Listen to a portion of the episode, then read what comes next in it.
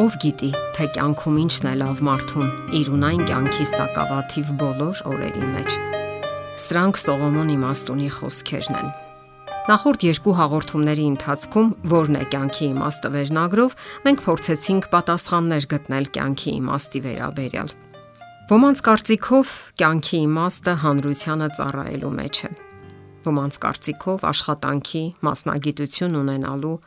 փառքի, լավ անուն ունենալու, իշխանության, գիտելիքի, իմաստության։ Շարունակենք այդ ցանկը, որն է կյանքի իմաստը մարդկանց զգալի մասի կարծիքով։ Հարստություն դիզելու մոլուսկով տարված մարդիկ ամենավին էլ չեն մտածում կյանքի իմաստի մասին, կարծելով, որ հարստությունը բոլոր ցավերի սպեղանին է։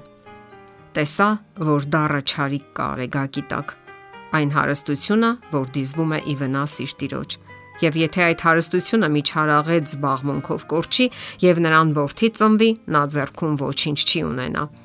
Նա ինչպես որ ելավ իր մոր որովայնից մերկ էլ հետ կդառնա, կգնա, ինչպես որ եկել էր եւ իր աշխատանքից ոչինչ չի վերցնի, որ իր ձեռքով տանի իր հետ։ Սա էլ է մի դառը ճարիք, որ ինչպես որ եկավ, այնպես էլ գնալու է եւ նրան ինչ օգուտ որ աշխատեց քամուն հետ ապնդել։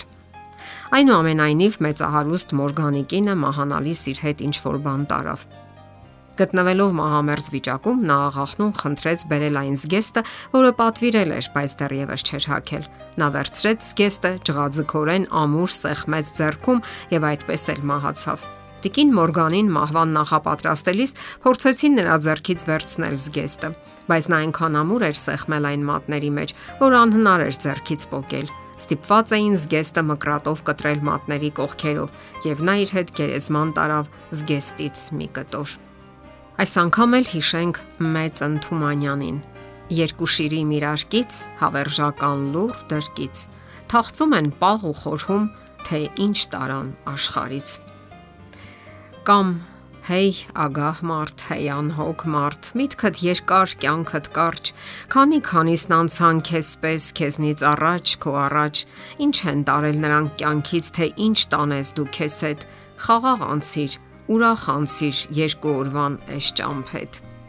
Շատերն իրենց կյանքի իմաստը տեսնում են արվեստին կամ գրականությանը նվիրաբերվելու մեջ։ Խորությամբ զգալով որևէ գեղարվեստական ստեղծագործություն, լսելով այս կամ այն երաժշտական կատարումը, նրանք զգում են, որ բարձրացել են գոյության ավելի բարձր մակարդակի։ Դրան հակառակ, կյանքը, որ կենտրոնացված է թմրամիջոցների վրա, որ ենթադրում է ինչ-որ հանցագործ գործողություններ կամ եսասիրական ձգտումներ ի վնաս մյուսների, դիտարկվում է որպես ժամանակի անիմաստ կորուստ։ Արվեստի կամ գրականության մեջ կյանքի իմաստը տեսնելը նույնպես խապկանք է։ Արվեստագետն իր գործունեությունը համեմատում է մարդկային այլ գործունեությունների հետ եւ թվում է գտել է կյանքն ապրելու ավելի լավ ուղին։ Գուցե արվեստի գործիչն ավելի խորությամբ է զգում ու ներկայացնում կյանքը, բայց նա մոռանում է մի կարևոր հանգամանք՝ հանուն ինչի է նա անում այդ ամենը։ Երջանիկ են արդյոք արվեստի ու գրականության բոլոր գործիչները։ Արդյոք հավիտյան են ապրում նրանք։ Ես ի նկատի չունեմ նրանց ստեղծագործությունները Գուցե ընդհակառակը նրանց չեն գնահատում, հալածում են։ Նրանք ապրում են աղքատության մեջ, մերժված են նույնիսկ այս կյանքում։ Հետադարձ հայացք ձգելով արվեստի ու գրականության պատմությանը, մենք տեսնում ենք, որ իսկական արվեստագետներն ու գրականագետները մշտապես թախիծով ու ափսոսանքով են անդրադարձել կյանքի անցողիկության ու հավերժության թեմաներին։ Նրանք ներքուստ զգացել են կյանքի եւ իրենց կատարած աշխատանքի ունայնությունը Ահա Հովանես Շիրազի հարցը։ Ինչու համար աշխարհ կուգան մարդն ու վարդը։ Ինչու համար։ Ինչու կուգան, ինչու կերթան վարդ նվարդը, ինչու համար։ Ոչ վարդն ունի պատասխանը, ոչ էլ ավաղ մարդն իմաստուն, թե ծնվում է, ել ինչու է մեռնում մարդը, ինչու համար։ Հույն իմաստասեր Էպիկուրի ժամանակակից հետևորդները նրա օրինակով առաջնորդվում են հետևյալ կարգախոսով. Կեր, խմիր, զվարճացիր, քանի որ վաղը մեռնելու ես, կարծելով որ գտել են կյանքի իսկական իմաստը։ Էպիկուրը հաճույքը տեսնում էր տանջանքի բացակայության մեջ։ Էպիկուրը մահվան վերաբերյալ կատակում էր. Չարիքներից ամենասարսափելին մահն է, որը մեզ հետ ոչ մի առնչություն չունի։ Երբ մենք կանք, մահը դեռևս չկա, իսկ երբ գալիս է մահը, մենք արդեն չկանք։ Ամեն անգամ մարդիկ այս խոսելաձևին են դիմում, երբ ցանկանում են սքողել իրենց անհանգստությունն ու վախը։ Արդի էպիկուրյանները խրախճանքների, կերուխումերի եւ քեֆերի մեջ մարմնական բազմաթիվ հաճույքների ցանցով փորձում են խեղտել ու մոռացության տալ այն ամենը, ինչը կարող է ուրախությունից ու հաճույքից զրկել իրենց։ Այսօր Homo sapiens-ը կամ մտածող մարդը դարձել է զվարճացող մարդ Ամենուր զվարճանքի արդյունաբերությունն է տիրում՝ տանը, դրսում, համացանցում եւ այլուր։ Ամեն ինչ արվում է, որ մարդը չմտածի իր անձի եւ հավերժության մասին։ Աստված դեմ չէ, որ մենք հաճույք վայելենք այս կյանքում, սակայն հարցը առաջնահերթության մեջ է։ Այս աշխարհի հարուստներին պատվիրիր, որ չմեծամտանան եւ ոչ էլ հույսը դնեն ունայն հարստության վրա, այլ Աստծո վրա, որ վայելելու համար ամեն բան առատապես տալիս է մեզ կարդում ենք Աստվածաշնչում։ Իսկ Պողոս Արաքյալը այսպես է զգուշացնում. Եթե մեռելները հարություն չեն առնում, ուրեմն ուտենք ու խմենք, որովհետև վաղը մեռնելու ենք, բայց մի խապվեք, չար ընկերակցությունները ապականում են բարի վարքերը։ Եվ փաստորեն էպիկուրի նշանաբանով առաջնորդվողները նմանվում են այն երեխային, որը նախընտրում է այս պահին առաջարկվող 1 լուման 1 տարի հետո խոստացվող միլիոն դրամից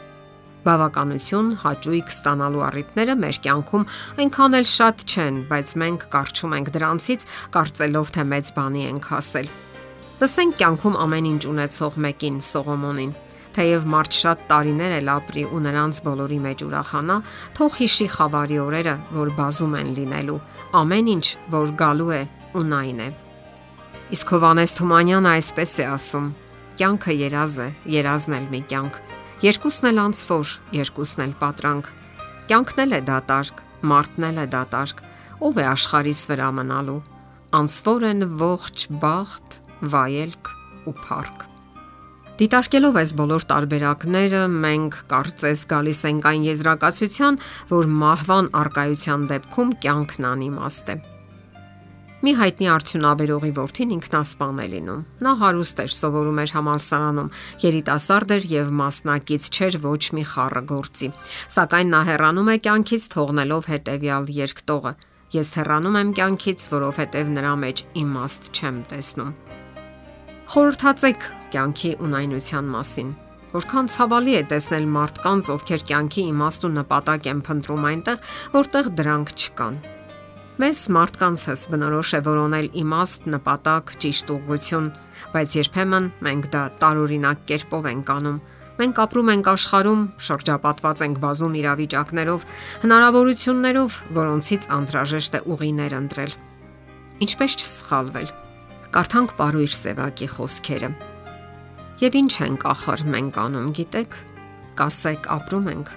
Այնինչ ես կասեմ, որ մենք նստել ենք մի մեծ կարուսել նույն ուղեծրով անverջ պատտվող այս երկրի վրա։ Եվ դուք դրանից ձեզ ված չեք զգում։ Իսկ ես ճիշտն ասած այդ կարուսելից գլխապտույտ եմ ունենում հաճախ։